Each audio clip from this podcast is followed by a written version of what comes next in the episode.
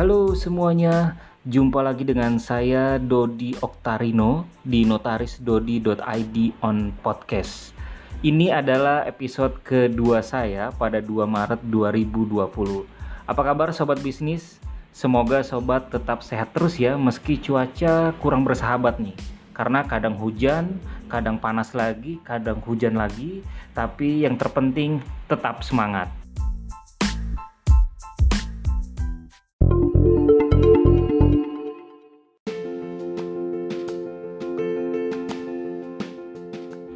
Baik sobat bisnis, episode kali ini kita akan ngomongin tentang perjanjian pisah harta dalam pernikahan. Dalam beberapa situasi, perjanjian ini juga biasa dikenal dengan sebutan perjanjian pranikah. Karena pada awalnya perjanjian pisah harta hanya bisa dilakukan sebelum atau pada saat dilakukannya akad nikah. Namun, sejak diputusnya putusan Mahkamah Konstitusi nomor 69 garing PUU strip 13 garing 2015, perjanjian pisah harta juga bisa dibuat setelah akad nikah atau selama perkawinan tersebut berlangsung. Baik sahabat, berikut ini memahami perjanjian pisah harta dalam pernikahan di notarisdodi.id on podcast.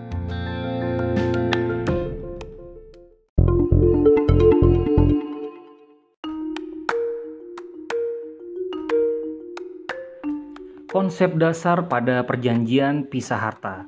Secara konseptual, saya menganalogikan seperti ini, sobat. Ketika seseorang menikah, masing-masing mempelai itu bagaikan membawa sebuah ember yang berisi air. Setelah mereka mengucapkan janji pernikahan dan dinyatakan sah, maka ada ember baru yang lebih besar. Ember yang sebelumnya ada di tangan masing-masing mempelai diletakkan di dekat ember itu. Mulai saat sahnya pernikahan, ember besar tersebut akan bertugas menampung seluruh air yang diperoleh suami dan istri selama di dalam sebuah pernikahan, sehingga air itu menjadi air bersama. Air dalam analogi ini sama halnya dengan harta pada perkawinan. Ada harta bawaan masing-masing dan ada pula harta bersama setelah terjadinya pernikahan.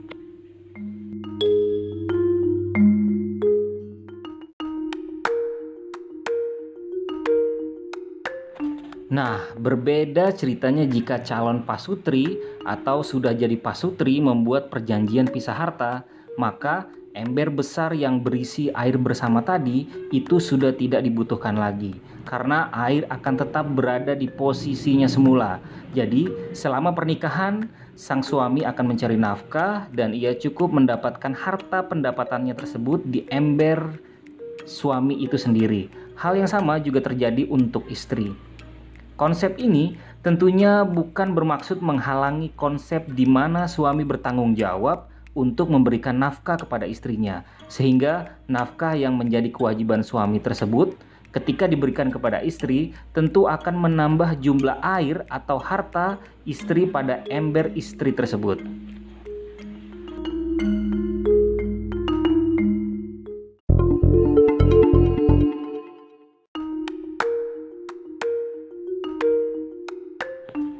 Untung dan ruginya membuat perjanjian pisah harta. Jika bicara rugi dengan perjanjian pisah harta, menurut pandangan saya, sepertinya tidak ada rugi ya yang timbul selagi klausul di dalam perjanjian tersebut sudah sama-sama disepakati oleh suami dan istri tanpa tekanan apa pun.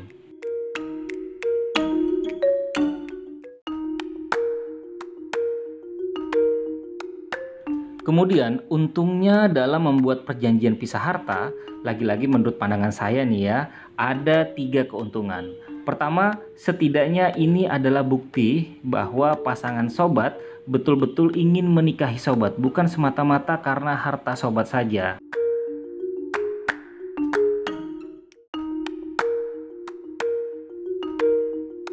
Yang kedua, seperti pepatah bisnis yang terkenal, don't put your money in one basket atau jangan tempatkan uang Anda di satu keranjang saja. Klausul pisah harta dapat menjadi modifikasi pengaturan kekayaan yang sangat baik karena akan ada pembagian penampungan baik untuk harta dan juga resiko terhadap harta tersebut. Resiko yang saya maksud misalnya, sang suami membuka bisnis dengan bantuan kredit modal kerja atau dengan hutang dan ia menandatangani personal guarantee yang mana ia menjaminkan seluruh harta pribadinya. Merujuk pada pasal 35 Undang-Undang Perkawinan Junto pasal 121 KUH Perdata di mana menjelaskan bahwa harta bersama juga meliputi semua utang yang dibuat oleh masing-masing suami ataupun istri selama perkawinan.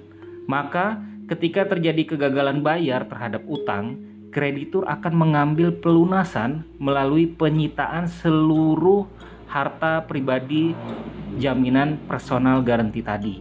Akhirnya, seluruh harta suami tersebut yang dimaksud adalah seluruh harta yang ada di dalam ember milik sang suami saja.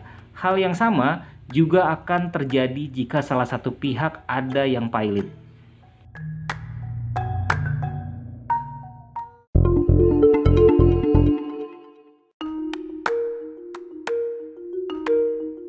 Cara membuat perjanjian pisah harta dan pengesahannya.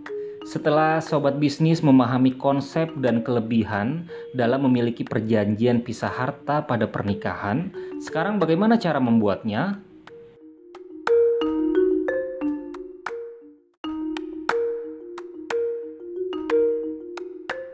Caranya sangat mudah sobat, yaitu dengan membuat perjanjian pisah harta tersebut di hadapan notaris kepercayaan sobat masing-masing agar terjadinya pengesahan.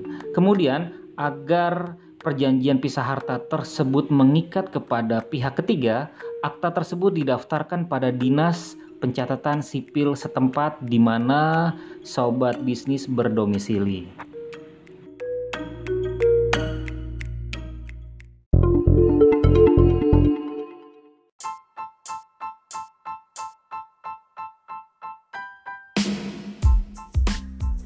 Baik sobat bisnis, Demikian yang dapat saya sampaikan tentang memahami perjanjian pisah harta dalam pernikahan.